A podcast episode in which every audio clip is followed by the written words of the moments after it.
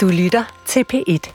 Det er mediernes opgave at bringe korrekt og hurtig information. Så langt som muligt, øh, så langt det er muligt, skal det kontrolleres, om de oplysninger, der gives eller gengives, er korrekte. Dennis Ritter, velkommen til Tabloid. Kan du identificere, hvad det er, jeg sidder og læser op af her? Øh, ja, det kan jeg godt. Det er de presseetiske regler. Præcis, og det er den første. Det er den første af de 23, som nu ikke længere hedder regler, men retningslinjer. Der er nemlig kommet Ja. et nyt sæt. Øh, en af de mest markante ændringer, det handler om, hvordan vi i medierne kan omtale og beskæftige os med selvmord. Og det er, det er noget, vi skal tale om senere i dag. Men øh, lige her, som vi flyver ind, og du øh, finder dig tilpas i medværtrollen, Ja. hvor tit har du sådan lige tjekket et eller andet efter i de presseetiske regler, for lige at have styr på noget, når du arbejder som journalist? Jeg burde jo skamme mig, fordi øh, svaret er, det tror jeg faktisk aldrig, jeg har gjort. Øh, og det er fordi, at øh, det har jeg tiltro til, at andre har gjort for mig i de roller, jeg nu engang øh, har haft. Og så tror jeg også, altså, det er jo ikke noget... Man sidder jo ikke hver dag og tænker, nu bliver jeg nødt til lige at slå op i de presseetiske regler, skråstreg, retningslinjer, men jeg tror, vi har meget af det siddende på ryggraden, så vi fornemmer, hvornår vi er i nærheden af noget, hvor det kunne være relevant lige at være sikker. Ja, nu, nu har jeg lige siddet og læst igennem de 23 retningslinjer, som det hedder nu, og, og rigtig mange af dem er jo altså nærmest banale. Ja, Noget som, det det. ja, ja, vi skal også vaske hænder, når vi har været på toilettet. Altså i den, i den øh, stil, ikke? Øh, som, altså, et, at det enkelte menneske har krav på beskyttelse af sin personlige ansag, øh, anseelse. Øh, ja. Øh, angreb og svar skal, hvor det er rimeligt, bringes i sammenhænger på samme måde. Ja, selvfølgelig. Men jeg sad faktisk og, og læste dem igennem, øh, inden jeg skulle være med her, og øh, blev egentlig mindet om, at det var faktisk en rigtig god idé, og det kan jeg da godt anbefale til andre i vores fag, hvis ikke man sådan lige øh, er, er helt skarp på, at de for eksempel er blevet ændret. Jamen, tag lige og pløj det igennem en gang og blive mindet om, så det lige sidder lidt mere fast om Ja. i baghovedet. Det synes jeg, det var givetigt for mig. Ja, der er, også en, der er også en, der hedder, at annoncer og annoncørbetalt indhold skal tydeligt adskilt fra redaktionelt indhold og klart deklareres. Det er jo også sådan en, ja selvfølgelig, ja. Men... Øh, Nå, men udover at vi altså har de her retningslinjer, så, så er der også lovgivningen. Der er straffeloven og medieansvarslov osv. Og så er der etiske regelsæt på de enkelte medier også. Det har I jo også på TV2, hvor du arbejder, tænker jeg. Og så er der alle de mere eller mindre uskrevne regler. For eksempel det med, at vi som journalister og måske især som værter skal være tilbageholdende med at ytre os offentligt om politiske emner, for eksempel. Fordi ja. så kan det kollidere med rollen som neutral formidler. Ikke? Hvor meget øh, tænker du over det? Du arbejder jo som vært både på TV2 News, og så når du kommenterer Tour de France på TV2 hver sommer. Jamen, det tænker jeg faktisk øh, rigtig meget over. Mere vil jeg sige i min rolle øh, som vært på TV2 News, end i min rolle på øh, sporten. Og jeg synes i særdeleshed tænker jeg over det i øjeblikket øh, med, øh, med krigen i Gaza, øh, hvor øh, man skal, jeg synes, man skal passe enormt på, hvad man kommer til at sige, hvordan man fremlægger ting. Øh, vi kan jo se hver eneste dag i mailbakken, hvordan øh, det er noget, der bare optænder øh, folks øh, følelser. Ja, Hvad der nu er blevet sagt. Ja. Det ene eller det andet ord Ja, ja øh, fordi man opfatter det ladet og mener, det er udtryk for en holdning og sådan nogle ting, så, som, som det slet ikke er. Så det er faktisk noget, jeg, jeg tænker mere over, end jeg vel har gjort før. Men skriver du på sociale medier din holdning til for eksempel det, der foregår i Israel og Gaza, eller til andre politiske emner? Det kunne jeg ikke drømme om. Øh, det er jeg meget, meget forsigtig med, og meget øh, bevidst om. Jeg er egentlig et menneske, som... Øh, jeg har masser af holdninger til ting, og også øh, politisk og i dansk politik og sådan nogle ting, men, og det pakker jeg langt væk. Jeg tør ikke udfordre noget som helst i den retning, nærme mig nogen som helst grænse. Jeg mener virkelig, vi skal holde os på dydens smalle sti. Ved du hvad, jeg ved ikke, om hvor, hvor smal stien er her i tabloid, øh, Dennis Ritter, men jeg er rigtig glad for, at du vil være her, og øh, vi skal forsøge at opføre os ordentligt med de gæster, jeg har inviteret selvfølgelig. Det Ja. står vist heller ikke i de presseetiske regler, men jeg synes, det giver sig selv. så øh, jeg har en hel masse på programmet til os, så lad os se at komme i gang. Vi skal allerførst lige høre øh, kendingsmelodien selvfølgelig, den kommer her. Det er tabloid på B1, du lytter til. Jeg hedder Marie-Louise Toksvig.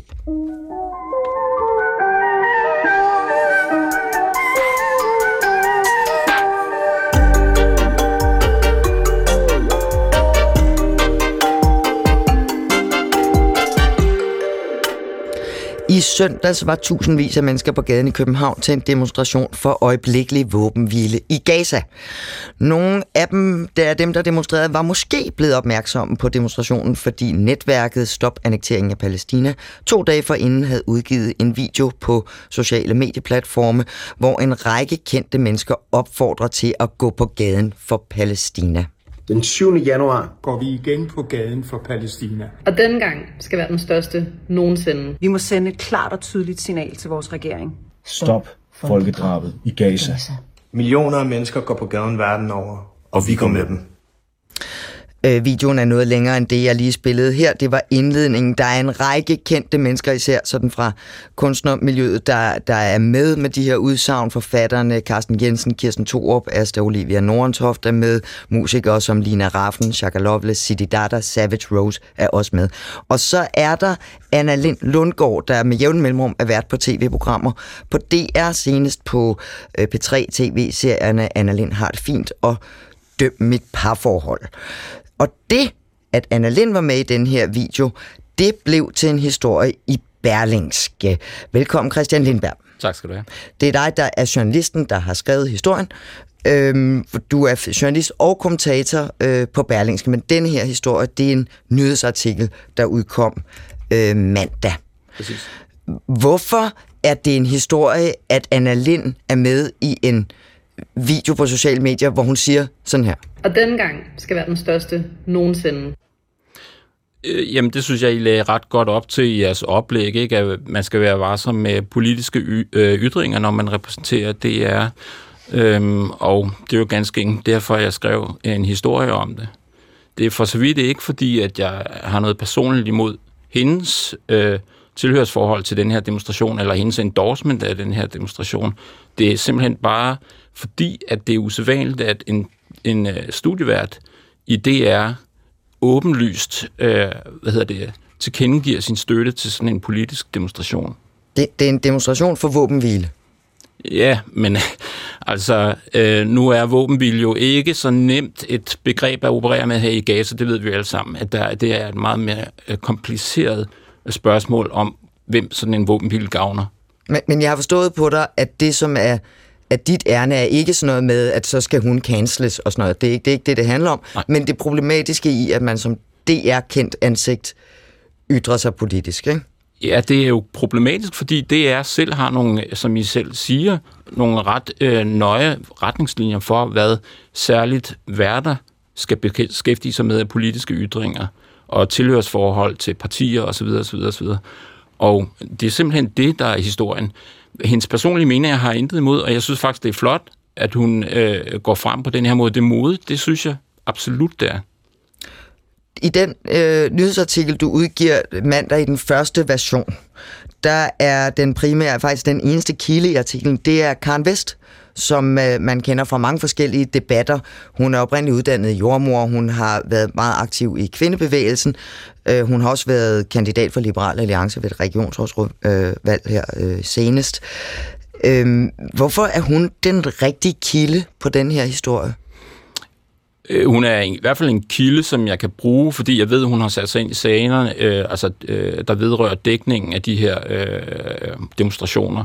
Og øh, så ved jeg, øh, og det tror jeg alle journalister kender, at hun har ordet i sin magt og, og kan sætte fingeren på det, hun synes. Men jeg vil gerne lige understrege, at Karl Vest var jo heller ikke ude i et ærne om at cancele eller noget i den stil. Nej, nej, altså det du citerer hende for i artiklen er, at hun kalder det uklogt af Anna Lind, og så siger hun, hvis en studievært optræder som tydelig part i en sag, vil jeg naturligvis være meget skeptisk, hvis vedkommende i et program skulle behandle emner med berøring til samme sag.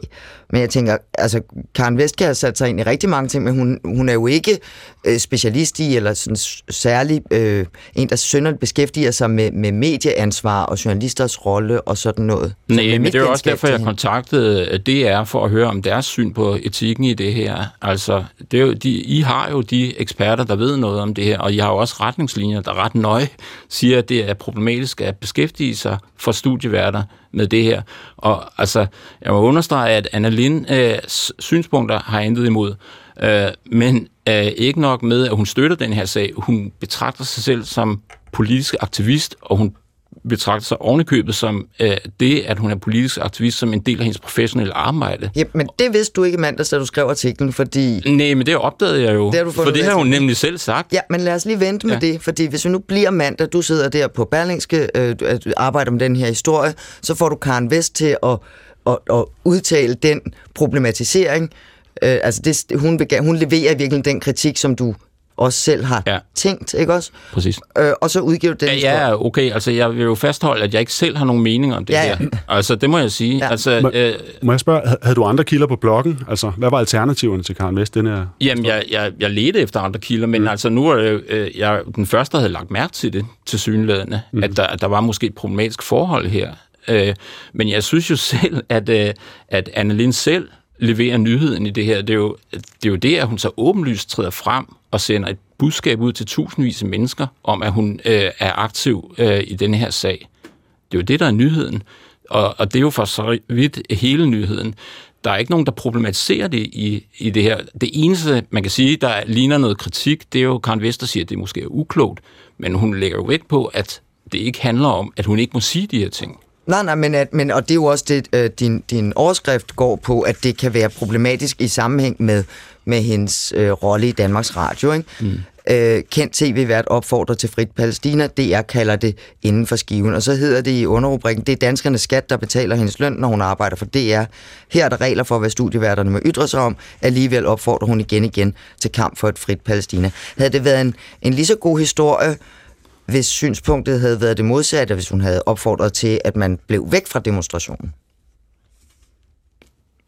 Det kan jeg ikke lige overskue, det må jeg sige. Det er, det er, øh, er det ikke lidt øh, spekulation? Det ved jeg ikke. Ja, ja, det ved jeg ikke. Det ved jeg ikke. det er jo mere et spørgsmål om, det er et hvilket som helst politisk øh, budskab, eller en hvilken som helst Altså for mig er det ligegyldigt i denne her sammenhæng. Mm. Fordi, som sagt, jeg har ikke nogen mening om hendes synspunkter øh, om Gaza og øh, Israel. Altså, øh, hvad hedder det, i denne her sammenhæng. Men, men altså, det, det er det usædvanlige, at en studievært med så høj en profil i Danmarks Radio så tydeligt tilkendegiver, at hun støtter en palæstinensisk demonstration, eller en, en demonstration til fordel for Palæstina. Øh, det er det, der er det usædvanlige. Og det er også derfor, jeg siger, at det handler ikke så meget, at, at jeg vil fastholde, at artiklen faktisk ikke kritiserer hende ret meget. Altså, det er jo, hun sørger jo selv for at gøre det her til en nyhed ved at gå ud på de sociale medier og, og slå det åbenlyst op. Øh, og det, nu, nu når vi til det, du har øh, nævnt det nogle gange. Du, du forsøgte at kontakte Anna Lind via Messenger Ja. mandag, og, og det svarer hun ikke på. Øh, og så skriver du historien, som udkommer mandag, og så tirsdag kommer der en opdateret version, hvor du så har fået et svar fra DR's kommunikationsafdeling om, hvordan DR vurderer reglerne i det her tilfælde. Man mener ikke, det er problematisk. Ja, præcis. Ja. Og så... Det i sig selv er jo bemærkelsesværdigt. Altså, hvis vi skal gå ind i reglerne, så står der jo, at, hvad hedder det, at man skal være meget varsom med de her ytringer. Og, altså, Ja, og, og, men- men- og hvis, hvis, hvis det her er de nye regler, og det er inden for skiven, så, så mener jeg, at der skal gøres noget ved de regler. Altså, det, det er jo i, i, i modstrid med, hvad der står. Det er jo ikke en Men ved du hvad, lad, lad os tage det med Ja, okay. DR, den dag Ja. DR står her. Ikke? Fordi, Det kan godt være. Fordi da vi talte sammen i går om den her historie, så siger du, at du så læser, hvad Anna Lind selv skriver på Instagram om, og du har også lidt refereret til det nu, at, øh, at hun øh, vil at bruge sin stemme, hun vil stå op for det, hun tror på. Det er den måde, jeg er i mit arbejde på, skriver hun. Jeg repræsenterer en ny generation af journalister, som ikke er bange for at vise personlighed. Og så skriver hun også, at... Øh, at hun øh, som freelancer er fri til at sige fra over for smerte, jeg ser i verden. Det vil jeg blive ved med, for jeg står nemlig ikke i kø til at blive den næste vært på TV-avisen. Mm-hmm. Er det ikke også et spørgsmål om, hvad det er for en rolle, man har som vært?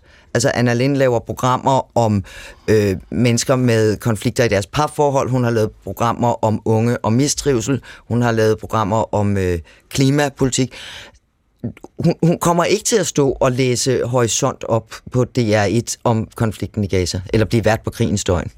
Nej, men nu, nu er det jo et spørgsmål om tid for, for at finde ud af, hvor, altså, den her konflikt øh, har jo ingen, øh, den kan jo godt brede sig øh, ind i vores hverdag, det gør den allerede i allerhøjeste Jo, jo, grad. men, ikke? men er, det ikke, er der Jo, ikke forskel på, hvad, hvordan man er på tv-skærmen, altså hvilket job man har på tv-skærmen? 100 procent, men så må jeg altså pege på jeres egne regler igen og sige, der står ikke noget om, at det er nyhedsværter specifikt, der skal passe på. Der står, at det er værter Yep. og ledende medarbejdere, og hun har været ansigt på de her programmer, Ja. altså adskillige programmer, ikke? Så jeg ved ikke, hvor, Ja, hvornår man bliver men- ledende medarbejder eller vært, øh, men det vil jeg mene er inden for skiven. Altså. Ja, men, men igen, den tager vi med, med DR's øh, jurister. Nå, du spurgte mig jo, om, om, om det var, hvilken rolle hun havde. Ja, for, for din historie. For, at- om du synes, det er en vigtig historie eller ej. Jeg synes, det er en vigtig historie, fordi... Øh, ja, det har jeg jo sagt Fordi hun er et kendt ansigt. Det, der er interessant, er jo også det der med, at som hun også selv er inde på, øh, jeg repræsenterer en ny generation af journalister, der ikke er bange for at vise personlighed. Om, vi om den og baren kommer til at flytte sig øh, med tiden. 100 procent det, og Ja. ja. det er jo højt interessant, og det er jo derfor, det er mig dobbelt, at hun bare ignorerede min henvendelse til hende om at få et interview. Altså, det, det synes jeg virkelig, øh, øh, det, var, det var virkelig ærgerligt, for det er jo det, der er den virkelig interessante historie, snarere end det, at hun endorser den her demonstration. Jo, og det var også det, jeg, jeg tænkte øh, også, da vi talte sammen i går, Christian, at, at din historie var jo blevet vældig meget bedre, hvis, hvis du havde fået hende i tale og havde hørt, hvorfor gør du, og sådan noget, i stedet for alene at, at bringe den problematisering, som Karen Vest, som øjensynligt heller ikke har talt med Anna Lind, bringer. Hvorfor er det, at man skal udgive med det samme, i stedet for at vente på hende, der, der faktisk kan levere den historie, det handler om? Jamen altså, Anne Lind skrev jo selv også i det her øh, opslag på Instagram, at øh, hun, øh, øh, hvad hedder det... Øh, Hun skriver, at hun ikke ser beskeder på Messenger, men, men nu, nu er vi igen Jamen, længere jamen, frem. nej, det, nu handler det om øh, øh, det, det tidsrum, man skal have, og hun undrer sig over, at hun skal svare samme dag, som en nyhedsartikel i et dagblad mm. skal komme. Altså, altså, det kan godt være, at hun ikke øh, kender dagbladets arbejdsgang, men det er normalt kutyme, at man vender tilbage den samme dag til et dagblad. Jo, jo, altså, men, men, men hvorfor ikke vente på at få hende i tale, i stedet fordi ellers så får du alene kritikken, hvor det jeg jo også kan høre på jer, mm. den rigtig interessante historie, det er Præcis. jo, er der en, en ny udvikling i, hvad journalister og studieværter synes, de kan. Og den historie får du ikke, fordi du ikke har tålmodighed til at vente på, at hun vender tilbage. Nej, men altså, jeg er jo utålmodig i naturen, fordi jeg er nyhedsjournalist, ikke? Altså, og det her, det var noget, der var sket mandag. Tirsdag snakker jeg med DR og øh, prøver at få fat i Anna Lind. Om, øh, altså, så går der hele dagen med at få fat i nogen fra DR, og det ender med, at de siger, at jeg først skal få fat i dem den næste dag. Mm. Og så har vi allerede to dage henne fra, hvornår det her skete, ikke? Ja. Eller, Men du udgiver den første mandag, ikke også? Dagen efter demonstrationen. øh, jo. Ja. Øh, ja, det kan jeg ikke lige huske, men øh, jo, Ja. sikkert. Og hvad så nu? Vil du stadig gerne interviewe Anna Lind? Ja, men hun har jo allerede sagt, at hun ikke gider at snakke med os. Altså, jeg tvivler faktisk på, at hun nogensinde havde været interesseret i at snakke med os. Så det, det, det har ikke Det nogen... det har hun sagt til Ja, det har hun sagt til vores fagblad journalisten. der, Fagbladet Journalist. Så Ja, en, en enkelt ting, fordi øh, da jeg præsenterede dig, sagde jeg jo, at du er, er journalist på Berlingske, og du er også kommentator. Du skriver kommentarer i avisen om alt fra fitnesscenter til racisme til mm. filmanmeldelser og sådan noget. Er det ikke det samme? At du nogle gange mener noget, og andre gange så er du den objektive nyhedsjournalist? øh, jo, men jeg, jeg sørger for meget øh, tydeligt at deklarere, hvad det er, jeg laver, når jeg laver noget. Og, og så... Jeg, jeg havde ligesom tænkt over det spørgsmål, at det ville komme, at, at jeg synes altså, der er forskel på øh, at skrive kommentarer og så være politisk aktivist. Øh, det, jeg synes ikke, det er helt det samme. Er der også forskel på at være journalist på Berlingske og så lave øh, programmer på tv? Ja, det synes jeg i højeste grad. Altså, jeg, jeg er jo ingen... Hvis det er princippet, vi taler om. Jamen, jeg, jeg, jeg, ja, det synes jeg faktisk. Altså, øh, det er af allemands eje i en anden grad, end Berlinske er jo. Altså, det, det, det vil jeg sige. Men, men øh, øh, øh, ja, Men, men kommer du til at, og I til at ændre øh, praksis efter det her, og, og så sige, at vi, vi, vi skal forsøge ad flere kanaler at få en kommentar fra en artikel til hovedperson, end, end tilfældet var her? ja, det vil jeg da gøre, fordi det er da meget ubehageligt at blive kaldt boomer, fordi man ikke kan finde ud af at, henvende sig på den rigtige kanal, altså Instagram eller TikTok, eller hvad det nu er, de nye øh, generationer er på. Men altså, det, det, at henvende sig på Messenger har altid fungeret øh, udmærket, så det kom bare bag på mig, det erkender jeg, og øh, der er ikke noget andet at sige til. Det, at det vil jeg stramme op på fremover. Jeg er blevet kaldt boomer mange gange, man vender sig til det. Øh, Jeg har ikke vendt mig til det endnu. Jeg synes faktisk, det er lidt urimeligt. Christian Lindberg, vi tager boomer-diskussionen en anden gang. Tak fordi du vil komme ja. forbi og være med i Tabloid i dag, altså journalist og kommentator på Berlingske.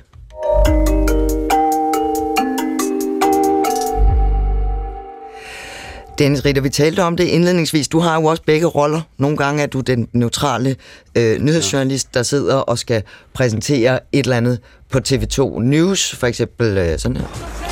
Van der Pol foran Philipsen. Nå, Mads nej. Pedersen er forrest lige nu. Han er foran. Foran Jesper Philipsen. Han er stadig foran Mads Pedersen. Det bliver den her lange, lange, seje, hårde spurt, og det er Han noget, han kan. Bliver det Mads Pedersen? Jesper Ja! Philipsen. Ja! Det er dansk sejr. Mads Pedersen vinder. Eli Mos. Nej, det er bestemt ikke sådan, som du lyder, når du sidder på TV2 News Ej, og ikke rigtigt. præsenterer nyheder, vel? Så har klokken slået 16 på en onsdag, hvor øh, nyhedshylderne er så propfyldte med gode historier. Kan man roligt sige, at der nærmest ikke er plads øh, til dem alle sammen. De begynder at vælte ned. og Sådan noget. Ja. Vi tager de bedste under øh, god behandling her i News.dk. N- Når jeg ser Tour de France om sommeren, og det tilstår jeg gerne, at det gør jeg med stor begejstring, så, så bliver jeg faktisk altid imponeret over, hvor meget du ved, når du sidder der og kommenterer. Altså, du, du, et af, hvad du ved om rytterne, og du har selv kørt på, de, på etaperne, men også, hvad den der borgruin hedder, og hvilken vin man laver her i Frankrig, og sådan noget. Det er jeg glad for, at du bemærker. Altså, øh, virkelig øh, klæbehjerne gennemført, forberedt øh, på det, du skal lave. Og så tænker jeg, når du så sidder inde i nyhedsstudiet, der kan jo komme nyheder flyvende ind, som du ikke har en jordisk chance for at forberede dig på. Ja. Hvad er forskellen? Fordi du er den samme journalist. Jamen, forskellen er jo, at når jeg sidder i nyhedsstudiet, og nyhederne netop kommer flyvende, og jeg ikke har mulighed for at forberede mig, det er jo et kontroltab. Og det var jo i virkeligheden øh, den udfordring, jeg faktisk ledte efter, da jeg foretog det skift og gik øh, fra sporten til TV2 News. Det er jo et kæmpe kontroltab, hvor man så må gribe de værktøjer, øh, man så har et eller andet sted på ryggraden øh, siddende, øh, for at drive historien videre. Men, men der er netop, der er netop der er tryghed i at kunne stoffet så godt, både på forberedelsen og på de mange, mange års erfaring, du har med at dække cykelløb og Tour de France. Mm. Og, så, og så skulle sidde og gribe noget. Nok er du journalist, nok har du nogle redskaber, men jeg synes tit, hvis noget skal gå hurtigt, og man bevæger sig ind i en historie, et stofområde, som man måske ikke har nogen synderlig erfaring med, så, så kommer man også til at famle efter sproget. Bruger jeg nu de rigtige ord? Hvad hedder det egentlig? Sådan ja. ville det være, hvis jeg skulle kommentere Tour de France, for Ja, eksempel. men- ja, ja, men det kan jeg sagtens genkende. Øh, og, og ja, et eller andet sted lidt forfængeligheden og frygten for at komme til at sige noget dumt eller noget forkert og sådan nogle ting, den kan jeg da også godt genkende i newsstudiet, når jeg sidder med et eller andet, hvor jeg i den grad er på udebane. Men det er jo også der, i udfordringen ligger. Hvad, hvad gør du og ved så, det, ja, når du sidder der? Jamen, så griber jeg jo til øh, de klassiske HV-spørgsmål og øh, nysgerrigheden. Og bare spørge, Og bare spørge. i stedet for selv at skulle close. Ja, det er jo absolut ikke øh, det, øh, vi skal, øh, men vi vil helst gøre gæsterne og eksperterne bedre, og det hele let forståeligt for seerne. Og det bliver det jo, hvis man selv har styr på det, man taler om. Ja, det er det, jeg mener, ja. Og risikoen for også at træde forkert, altså sige noget, som, som måske ikke er faktuelt forkert, men som på en eller anden måde er problematisk. Nu taler vi også om etik og god presseskik og sådan noget.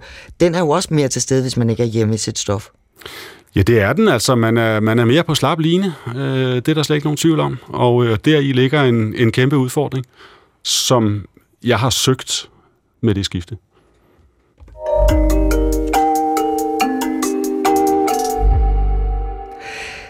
I mandags udsendte Sydsjællands og Lolland Falsters politi en pressemeddelelse om, at der nu er rejst tiltale mod en 32-årig mand i det såkaldte kirkerup sagskompleks. Manden bliver tiltalt for adskillige meget grove forbrydelser mod tre ofre, en 15-årig pige, en bare 13-årig pige, og så 17-årig Emilie Meng, der blev fundet dræbt i julen 2016. Og i pressemeddelelsen fra i mandags, der citeres politikredsens chefanklager Marie Bindslev for at sige, vi håber, at formidlingen af sagen vil ske med fornøden respekt for de meget unge ofre og deres pårørende. Marie Bindslev, velkommen til Tabloid. Tak skal du have. Hvorfor er det nødvendigt at opfordre til, at øh, vi, om man så må sige, opfører os ordentligt, når vi dækker den her sag? Jamen, det ved jeg heller ikke, om det er. Jeg ved ikke, om det er en opfordring. Det er i hvert fald et håb. Men man kan sige, at den her sag, der er meget alvorlig, der har vi øh, i politi og anklagemyndighed ret længe holdt øh, oplysningerne tæt ind til kroppen. Og det har vi selvfølgelig gjort af mange grunde, af hensyn til efterforskningen. Og vi har ligesom hele tiden øh, øh, kunne styre, hvad der kom ud, og forberede dem, vi skulle herunder, for eksempel de forrettede og deres familier på, hvad der, hvad der kom ud. Og nu er vi på et tidspunkt i sagen, hvor at, øh, at flere og flere detaljer og oplysninger kommer til at blive øh, offentliggjort. Øh, og det kan man sige, det sker jo mange, øh, mange dage, at øh, anklagemyndigheden laver anklageskrifter med, med detaljerede og alvorlige oplysninger med forrettet bag. Men det er lidt sjældent, at et anklageskrift vil blive så eksponeret, som vi øh, egentlig havde en forventning om, det her vil blive. Øh, så derfor, øh, og også fordi vi jo har set hen over øh, den senere tid, at øh, der er større og større offentlig interesse for straffesager. Øh, og, og for eksempel i Mia-sagen kunne vi også se, at der var ret stor interesse for fra, og drabsagen fra Aalborg, ikke? Lige præcis. Ja, ja. Øhm, og derfor så, øh, så var det egentlig et håb om, at når alle de her oplysninger vil komme frem, at man husker, at, øh, at der er mennesker bag. Så, så, øh, så det er egentlig det, der var tanken bag, at vi, at vi havde lyst til at, og behov for at, at komme med det håb. Men, men øh, retssagen begynder jo først øh, til maj ved retten i Næstved, så, så hvorfor er det lige nu, I udtrykker det håb? Man kan sige, når vi går, øh, når vi rejser tiltale i mandags, så øh, når den tiltalte har fået at vide, hvad han er tiltalt for, så har, øh, har pressen ret til at få agtindsigt i anklageskriftet syv dage efter, det vil sige på mandag. Så fra på mandag ved vi jo, vi er jo nogle af de få, der ved, hvad der rent faktisk står i det anklageskrift, så ved vi jo, hvilke oplysninger og detaljer, som der, øh, som der kommer ud. Og derfor var det på det her tidspunkt, det er klart, når retssagen kommer til at køre i maj og juni, der vil der jo, der er jo offentlighed i retsplejen, og det skal der også være, så der vil alle sagens oplysninger jo sådan set komme ud. Men allerede fra på mandag er der ret mange konkrete detaljer for de her øh, tre forhold, som, øh, som kommer ud. Hvis jeg må spørge, er der, er der nogle helt konkrete erfaringer, I har gjort jer, som har gjort, at I skønner, at den her opfordring er nødvendig? Jeg noterer mig, at du nævner Mia-sagen. Er det, kan det for eksempel være den, dækningen af den? Øh, ja, det, og det kan være, det er også dækning af den, men man kan sige, at den her sag er jo også lidt speciel, fordi jeg tror, at de fleste kunne i den weekend i april med den 13-årige pige, der fulgte hele Danmark med. øh, og ja, fordi, fordi hun øh, var efterlyst øh, i et døgn før politiet fandt hende, ikke også? Ja. Ja, så det er jo en sag, og samtidig tror jeg også, de fleste fulgte med tilbage i 16 og i årene efter med Emilie Meng. Så det er sjældent, vi har en sag, hvor at, øh, den forud for, at den kommer i retten, har været så eksponeret blandt mange. De fleste kunne nok forestille sig, at det var deres datter eller, eller lignende. Så derfor er det også en sag, hvor vi tænker, ja, selvom vi ikke har noget lignende, at det vil være en sag, som mange vil interessere sig for, øh, og som vil have stor offentlig bevågenhed. Men, men du nævner, øh, Marie Bindslev, det her med, med de mange detaljer i anklageskriftet, som, mm. som ikke har været frem før, men som kommer frem med, øh, når, når journalisterne får agtindsigt i anklageskriftet. Hvad er Jeg ved, at du ikke har tænkt dig at, i radioen eller på noget andet tidspunkt at fortælle om, hvad konkret det er for detaljer, men, men hvad er det i om man så må sige, henstiller til, eller ønsker jer, når nu alle de her detaljer ligger på journalisternes skrivebord og skal transformeres ind i nyhedsartikler eller nyhedsindslag? Jamen, altså vi hverken kan eller skal jo bestemme over øh, pressens dækning af den her historie. Øh, men man kan jo i hvert fald måske nogle gange stille sig selv det spørgsmål, hvor mange detaljer der er nødvendigt, og i hvert fald også tænke over, at, at der er jo nogle mennesker bag, øh, hvis liv det her har været, øh, og måske stadig er en del af. Øh, og man kan sige, at vi har selvfølgelig også gjort os overvejelserne, fordi vi har også, det er jo først og fremmest vores ansvar, og lige nu vores oplysninger. Men vi kan ikke skære detaljer fra et anklageskrift øh, alene af det hensyn, fordi anklageskriftet er ligesom rammen for straffesagen.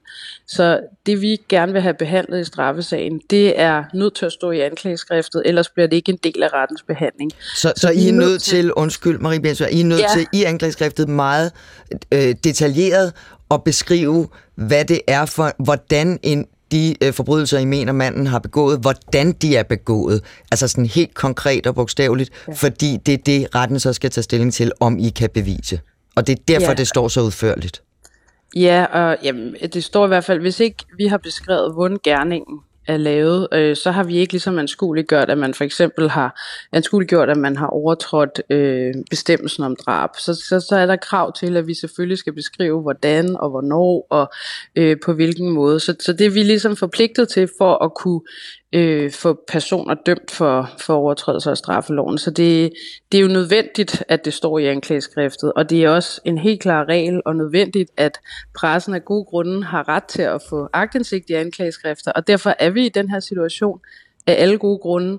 Øhm, og så tænker vi, at at vi bare håber, at, øh, at man formidler det med respekt og tanke på, på de her rigtige unge og for deres familier. Men, men vi journalister er jo, jeg, jeg tænker, du vil give mig ret her, Dennis Ritter, vi, vi er jo også mennesker med tanke på øh, børn og unge, og, og vi har fulgt det her, og kan, altså, hvorfor ikke forudsætte, at, at vi helt naturligt, fordi vi er mennesker, tager de hensyn, du taler om? Det kan man jo også godt, men man tror også, at når man ser på dækning af straffesager, over de senere år, så er der jo både en digital udvikling, der gør, at, at det går meget hurtigt. Der er øh, øh live-dækning for retssal, der er, øh, øh, der er meget stor interesse, og det er ikke længere i avisen i morgen.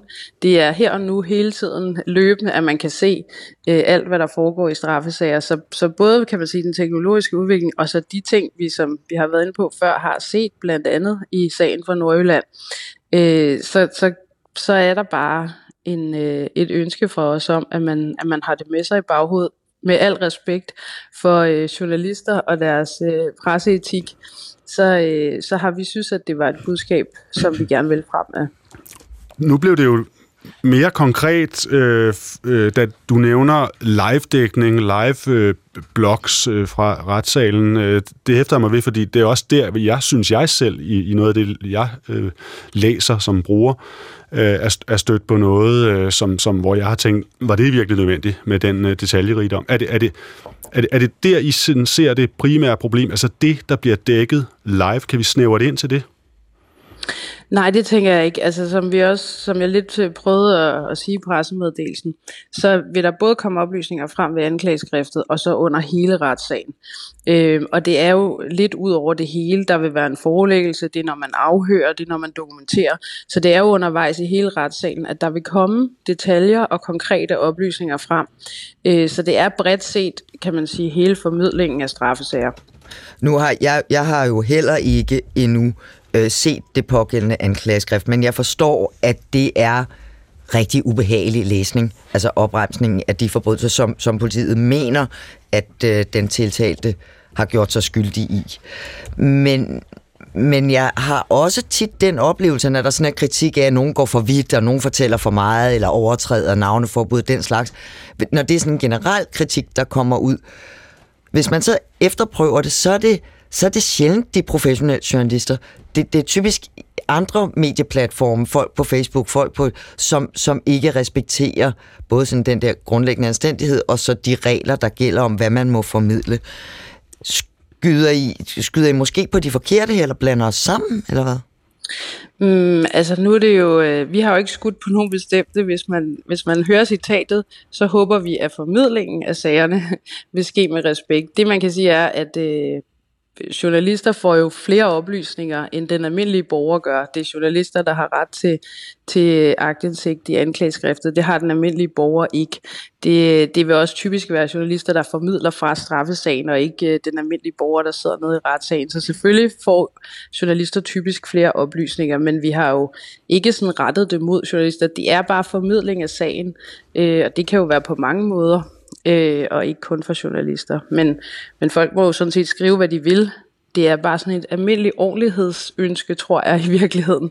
Øh, og det kan sagtens være, at det er unødvendigt, og det kunne vi have forudsat, men, men jeg, jeg tror, vi havde bare behov for at sige, at vi vil rigtig gerne være ordentlige. Det er en stor del af vores arbejde, og det håber vi egentlig også resten vil være, for i virkeligheden er det bare nogle mennesker, der har været udsat for noget rigtig ubehageligt. Og måske har vi også lidt den vinkel, man skal jo huske, der er jo også en nu tiltalt, som ikke er dømt endnu, og straffesager afgøres jo i, i retssalene heldigvis i en, øh, i en retsstat og ikke udenfor. Og heller ikke og så, i anklageskriftet. Heller ikke i anklageskriftet. Den øh, magt har vi ikke, nej. Marie Bindslev, chef anklager ved Sydsjællands og Lolland Falsters politi. Tak for at være med i Tablud i dag. Det var pænt af dig. Det var så lidt.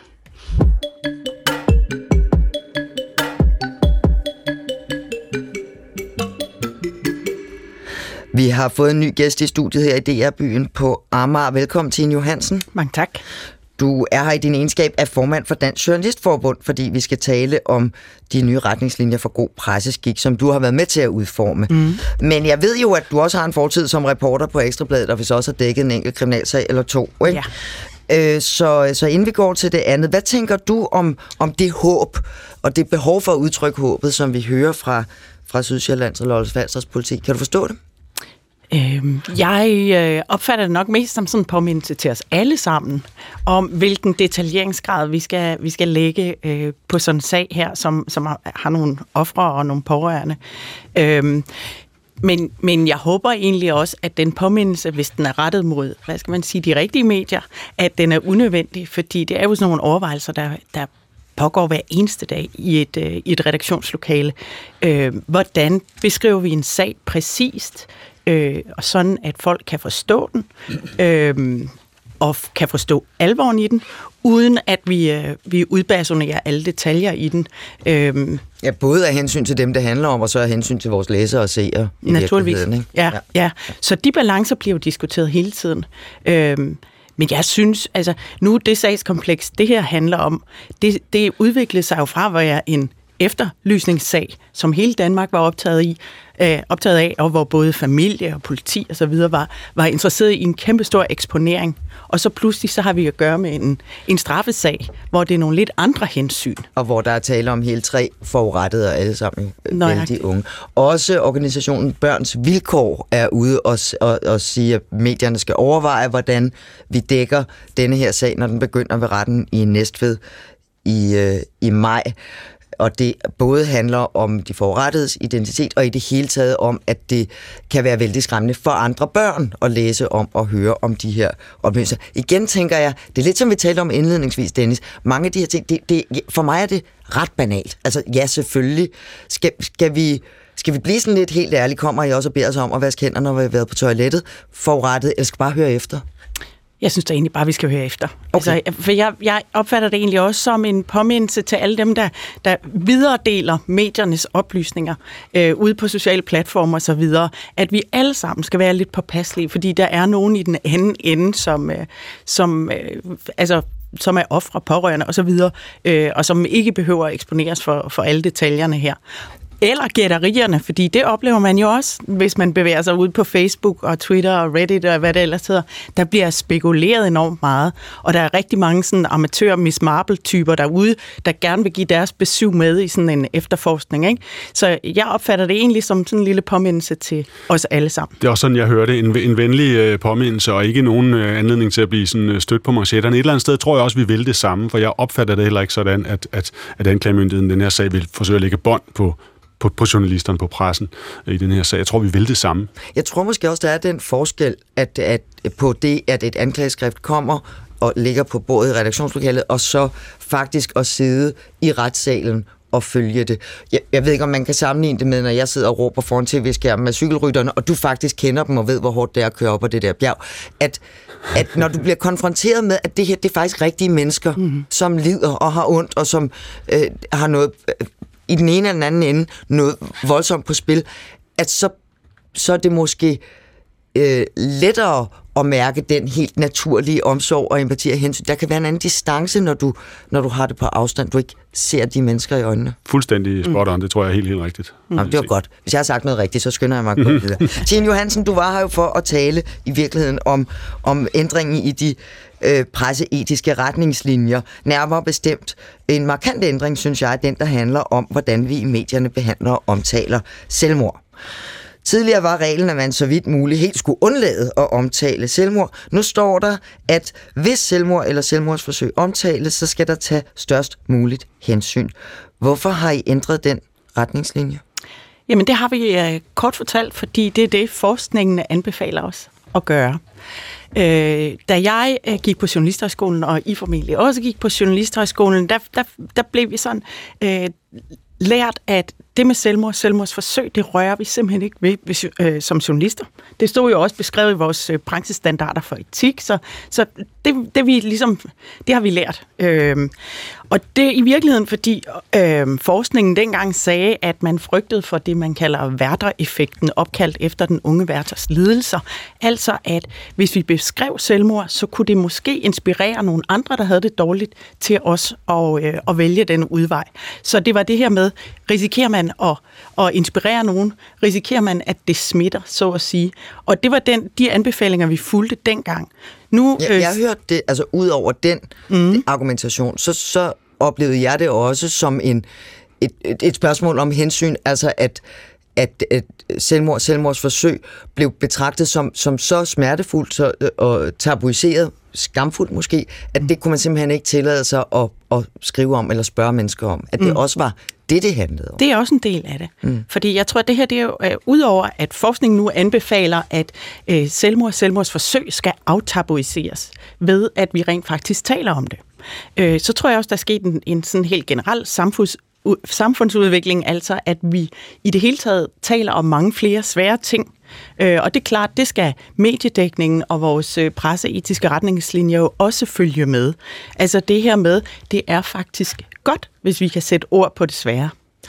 Øh, jeg tror ikke, der er nogen sammenhæng, men, men jeg hæftet mig ved, ved det her, fordi vi, ligesom de nye regler er kommet, så er der øh, i denne uge helt to programmer på DR, der behandler alvorlig psykisk sygdom, der har kostet mennesker livet til selvmord. I programmet Brinkmanns Brix på P1, der kunne man i sidste øre uge høre Svend Brinkmann tale om sin afdøde ven og kollega Anders Petersen med hans enke Susanne Sested Petersen. Det er jo øh, psykisk sygdom, der rammer Anders, og det er en altså meget øh, alvorlig depression, som øh, altså, ligesom arbejder ekstremt hurtigt. Og, og så altså, går det virkelig bare hurtigt øh, ned ad bakke, hvor den her sygdom, den ligesom ja, overtager ham, kan man sige. Det er i hvert fald sådan, det ser ud øh, fra min stol. Programmet kan man selvfølgelig finde i DR Lyd. På DR TV kan man finde to programmer med tidligere statsminister Poul Nyrup Rasmussen med titlen Nyrup Sines far. De handler om hans datter, Signe Målrup, der døde ganske ung for 30 år siden. Selvom det er 30 år siden, jeg mistede min datter, 30 år, er jeg stadig i tvivl om, hvad det egentlig var for en sygdom, sine led af, og hvad den gjorde ved hende. Var det den, der var skyldig, at hun tog sit eget liv? Kunne jeg have forhindret det? Begge de her programmer kredser øh, især om at forstå netop det her med at forstå sygdommen, og hvad kunne man have gjort, og hvad kunne man have vidst, og hvorfor endte det, som det gjorde. Øh, Dennis, hvordan vil du have det med at give dig i kast med den type historie? Det tror jeg, jeg vil have det svært med. Jeg står og tænker på, om netop øh, for du har jo ret, øh, da vi gik på journalisterhøjskolen, der var det ikke noget, man skrev. Og heller ikke noget, man talte om i virkeligheden. Og øh, vi har været med til at tabuisere det. Og det, det tror jeg måske stadigvæk sidder lidt i mig. Mm. Øhm, så jeg synes, det er godt, at de retningslinjer er blevet ændret. Så jeg, jeg tror, jeg vil have det svært med det. I, øh, her i DR, og det tror jeg gælder de fleste andre steder, der, der er det sådan helt fast, at når vi overhovedet på nogen måde taler om selvmord, så skal vi tilføje, at hvis man har tanker om selvmord, så er der hjælp at hente hos Livslinjens telefonrådgivning på telefonnummer 70 201 201. Man kan ringe alle årets dage mellem kl. 11 om formiddagen og kl. 5 om morgenen. Men er det nok, at vi siger det? Synes du, Tine Johansen? Mm, jeg tror i hvert fald, at det er vigtigt, at vi gør det. Øh, med de nye øh, presseetiske retningslinjer, der henviser vi også til, til Center for Selvmordsforskning, og vi henviser til WHO's øh, retningslinjer for, hvordan man dækker det her. Øh, og der lyder det samstemmende, øh, og så er vi tilbage til det der med detaljeringsgraden, at man skal ikke, når man omtaler selvmord, skriver om selvmord, gå for meget i detaljer. Øh, og så er det en rigtig om, god... Om, om hvor og hvordan og ja, så videre. Ja, metoder og alt det mm. der. Øh, og så er det en rigtig god idé at henvise til noget forebyggelse. Øh, sådan som, som man gør helt fast på DR eksempelvis. Mm. Mm. Jeg har inviteret en øh, næsten ekspert på området, Sigurd Harkort Pletner. Velkommen til øh, Tabloid. Tak. Jeg har bedt dig komme, fordi du i 2022 lavede podcast-serien Lis Tonerne af en afsked. Øh, den handler om fire unge mænd, der dannede bandet Lis og fik vældig stor og hurtig succes, og så mistede de deres forsanger Søren Holm til selvmord. Øh, da du lavede serien, der havde vi stadig de gamle regler for, hvad der var god skik øh, ved det her, og hvad man helst skulle, at man helst skulle have helt værd. Hvordan forberedte du dig på at gøre det, for at gøre det ordentligt? Først havde vi en, en meget grundlæggende snak, drengene og jeg, om hele den historie. De havde jo faktisk ikke fortalt om, hvordan Søren var død i et helt år. Det var sådan lidt en offentlig hemmelighed, tror jeg. Og jeg, vi har bare talt om at, at lave program om deres historie, også fordi de havde et nyt album, der kom ud posthumt.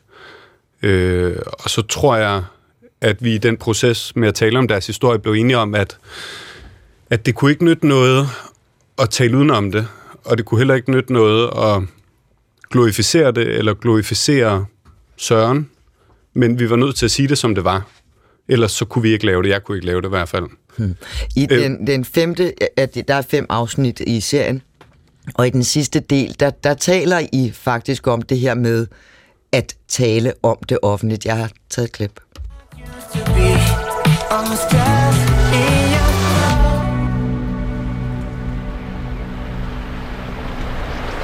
Den tragedie, vi har været igennem, er mega vigtig at, at snakke om åbent. Fordi at jeg er sikker på, at hvis Søren han havde ragt ud, så, så havde han stadig været her i dag. Og jeg tror, det er mega vigtigt at fortælle, og ligesom at snakke om det her, fordi det er så tabuiseret et emne. Og det er jo helt vildt, at det skal være det, når det, når det er noget, rigtig mange mennesker oplever. 1% af verdens befolkning dør til selvmord. 2% har forsøgt det. 3% har planlagt det.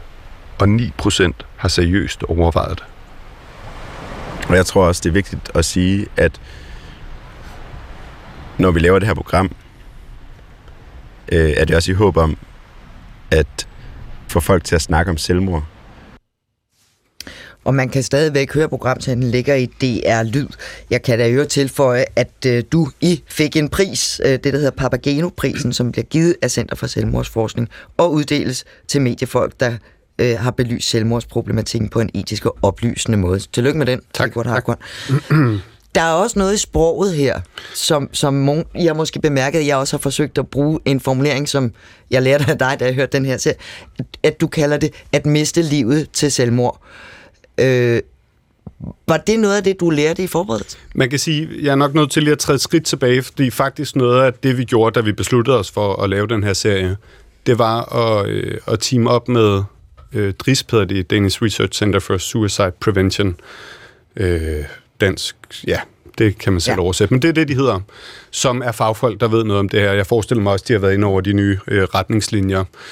Og det var dem, der sagde, at måske man skulle overveje et nyt sprogbrug omkring det her, fordi at begå selvmord er enormt øh, bebrejdende. Det, det siger jo, at den her person er skyldig i en forbrydelse, hvor man kan måske også anskue det som, at et selvmord der er, du offer for en sygdom. Øh, så, så det var en, en af de ting, vi gjorde. Vi gjorde rigtig mange ting, og vi havde dem meget med på sidelinjen undervejs. Fordi man ved, at nogle ting smitter, ikke kun at omtale, hvordan man gør det, men også at forhærlige. Øh, Øh, der var et eksempel med en, jeg kan ikke huske hvem, et, et pop i øh, fænomen, som mistede livet til selvmord og slagede man lige det parat på et stort stadion. Og der kunne man simpelthen se en massiv, massiv smitte af selvmord, fordi det blev forhærliget på en eller anden måde. Der blev skabt en mytologi omkring det selvmord. Og det er jo også det, der gør selvmord svært, og det er jo det, der gør, at man også er berøringsangst omkring det, fordi at der også er en vrede forbundet med det. Der er en vrede mod den person, der har mistet livet til selvmord. Der er et svigt i det, og der er et kæmpe savn, og der er en kærlighed, og alle de ting sammen eksisterer. Og det er meget svært at formidle, og det er også svært som pårørende til en, der har mistet livet til selvmord, at sige, jeg er vred. Jeg er fucking vred på den her person. Hvordan gør man det? Og hvordan gør man det i en kort artikel eller et kort nyhedsklip? Og det var så det, vi mente, vi ville prøve at gøre med det her, som så også bliver fem afsnit. Øh, og i forhold til den øh, terminologi, du nævner, så en af de ting, vi også gjorde, da vi udgav serien, det var at insistere på, at vi sagde kun ja til interviews, hvis mediet gik med til, at de i en uge i hele deres medie ændrede den terminologi. Øh, Jeg tror faktisk, vi fik Danmarks Radio med til, at alle fik en brief om, at det er det her, vi siger nu. Det er det, vi kalder det nu. Præcis, og det har jo så nok ikke hængt ved, men, men, men mange begge små, øhm, og, og det er jo også det er jo en lidt underlig formulering at miste livet til selvmord, altså sådan rent sprogligt, men, men mm, man må jo prøve at gøre nogle forskellige ting for at rykke lidt ved det. I, I de andre programmer, jeg talte om, og det er jo sådan set også en del af din podcast-serie, der er der, tænkte jeg, vi vi er også nærmest over i sådan det, man vil kalde konstruktiv journalistik, fordi der midt i historien om sorgen og sygdommen osv., også er en hel del, som handler om øh, bearbejdelsen øh, hos de pårørende, efterfølgende øh, øh, helt lavpraktisk gode råd til, hvad, kunne man, hvad kan man gøre andre i samme situation, hvis du pludselig står over for nogen, der har mistet på den måde. Altså, at det er også et vigtigt element, også i din serie, at det har den karakter. Ikke som nødvendigvis her er 10 gode råd, men at det er den historie, I fortæller. Ja, nej, ikke? Altså det, det har jo naturligvis været meget vigtigt for drengene, der først og fremmest har været påvirket af, af Sørens død. Det er klart, det er dem jo meget magtpåliggende at prøve at hjælpe andre, der står i samme situation, både folk, der overvejer selvmord, eller folk, der har mistet til selvmord. For mit vedkommende, det er, jo ikke, det er jo ikke med en intention om at lave et program, som skal være en form for folkeopdragelse overhovedet. Det er mere en ambition om at lave en historie, som øh, viser virkeligheden, som den er, og det er jo en del af virkeligheden. Det er jo en stor del af det, hvordan håndterer du øh, det kæmpe trauma, den store sorg, øh, og, og hvordan håndterer du det ikke? Hvad er der for nogle overvejelser i, i forbindelse med det? Men det er klart, at der jo ligger jo et stort ansvar på en, når man ved, at det her det kan have den modsatte effekt. Øh, og for mig var det meget vigtigt, ikke bare at lave sådan en, hvis du er træt af livet, så kan du ringe til... Eller sådan, det bliver tit sagt på en, på en udånding, eller som en mm. som billetkonduktør, der spørger om din billet, ikke? Altså, der er total mangel på engagement. Altså i hvor, den her henvisning til livslinjen. Ja, præcis. Hvor, hvor, og det handler jo heller ikke kun om at henvise til livslinjen. Altså, de mangler jo i forvejen medarbejdere, de har også kun åbent x timer om dagen. Det handler også om at sige, prøv at tale med dine venner, tale med din familie. Det er virkelig vigtigt. Øhm, ja. Jamen, jeg synes, det er meget øh, bevægende, og tak for de fine, de fine programmer, du har lavet der. Øhm, jeg, jeg står bliver så lidt berørt af, at, at den praksis, den journalistiske praksis, vi har haft i mange år, i virkeligheden har frataget nogle mennesker muligheden for at gøre det, der var rigtigt, nemlig Præcis. at tale om noget, der var rigtig, rigtig svært at sætte ord på. Mm. Altså, at det tager 30 år før øh, Poul Nyrup offentligt kan sige, øh, hvad det var, der skete. Ikke? Og, og journalister får meget ofte skyld for at gå for langt og sige for meget, gøre for meget, pinde for meget rundt. Her der har vi faktisk gjort det modsatte. Altså, jeg vil vågne på at vi har taget sådan et misforstået hensyn til nogle mennesker, som egentlig vi har haft meget større glæde og befrielse over, hvis vi havde stillet dem de spørgsmål, som vi så ikke har tur stille dem. Men det var i virkeligheden også det, du sagde, Dennis Ritter. Vi har været ja. med til at, at, at bygge tabu. Ja, og vi kan heldigvis også blive klogere, og det er dejligt. Jeg, jeg får lyst til at spørge, havde de, havde, var, de, var de bekymrede bandmedlemmerne for, øh, for modtagelsen af det? Altså, skulle der noget overtagelse til? Nej, det, det, nej, nej det, så havde jeg jo aldrig gjort det. Jeg, det hører med til historien. Jeg har kendt dem øh, rigtig mange år. Vi, vi er gode venner. Øh, så, så, og det øh, er jo en forudsætning for mig, at, at det, det var interessant for dem. Men, eller at de, de havde lyst til det. Mm. Men man sige, det som, som var en overvejelse, det var, at, at man ved, når man kommer ud med sådan en serie, så er der mange, som måske føler sig genkendt i det, der tager kontakt til en, og det lægger et ansvar på ens skuldre, og hvordan håndterer man det ansvar? Jeg vil sige, det var en større overvejelse, og så selvfølgelig var vi jo også nødt til at snakke med Sørens pårørende, så alle ligesom synes det, at det var okay. Klart. Sigurd Harkund Pletner, tak fordi du kom og fortalte om din podcastserie om Lis og Tine Johansen. Tak fordi du vil komme, formand for Dansk Journalistforbund. Det var pænt, at jeg kom. Og så tror jeg bare for en skyld, at Svend Brinkmann er den helt rigtige til lige at understrege den her pointe. Hvis du sidder med tanker om selvmord, så kan du ringe, du skal ringe til livslinjen på 70 201 201. Dennis Ritter, jeg skal også sige tak til dig, fordi du vil komme og være med hver dag. Det var en fornøjelse. Hvornår skal du i gang med det der Tour de France? Altså forberedelserne? Det ja, er bjergene udenad? Ja, men øh, det, er jo det, det er jo det svære spørgsmål, det bliver spurgt om så tit. Øh, hvornår begynder du din forberedelse. Det gør jeg hele året rundt. Der er ikke en dato. Fordi det, jeg prøver at følge med så godt jeg kan hele året rundt. Okay. Ikke lige nu, for lige nu kører de ikke på cykel. Nej, men lige nu spiller de håndbold. Det kan være, det er det, vi skal beskæftige os med. Ja, Jeg vil i hvert fald glæde mig til, at du sidder der igen og taler om cykelløb til sommer. Tak, Dennis Ritter, for at være her i dag. selv tak. Om bare en uge er jeg og min kollega Christian Jeppesen tilbage med en ny udgave af Tabloid. Mit navn er Marie-Louise Toksvig. Tak for nu.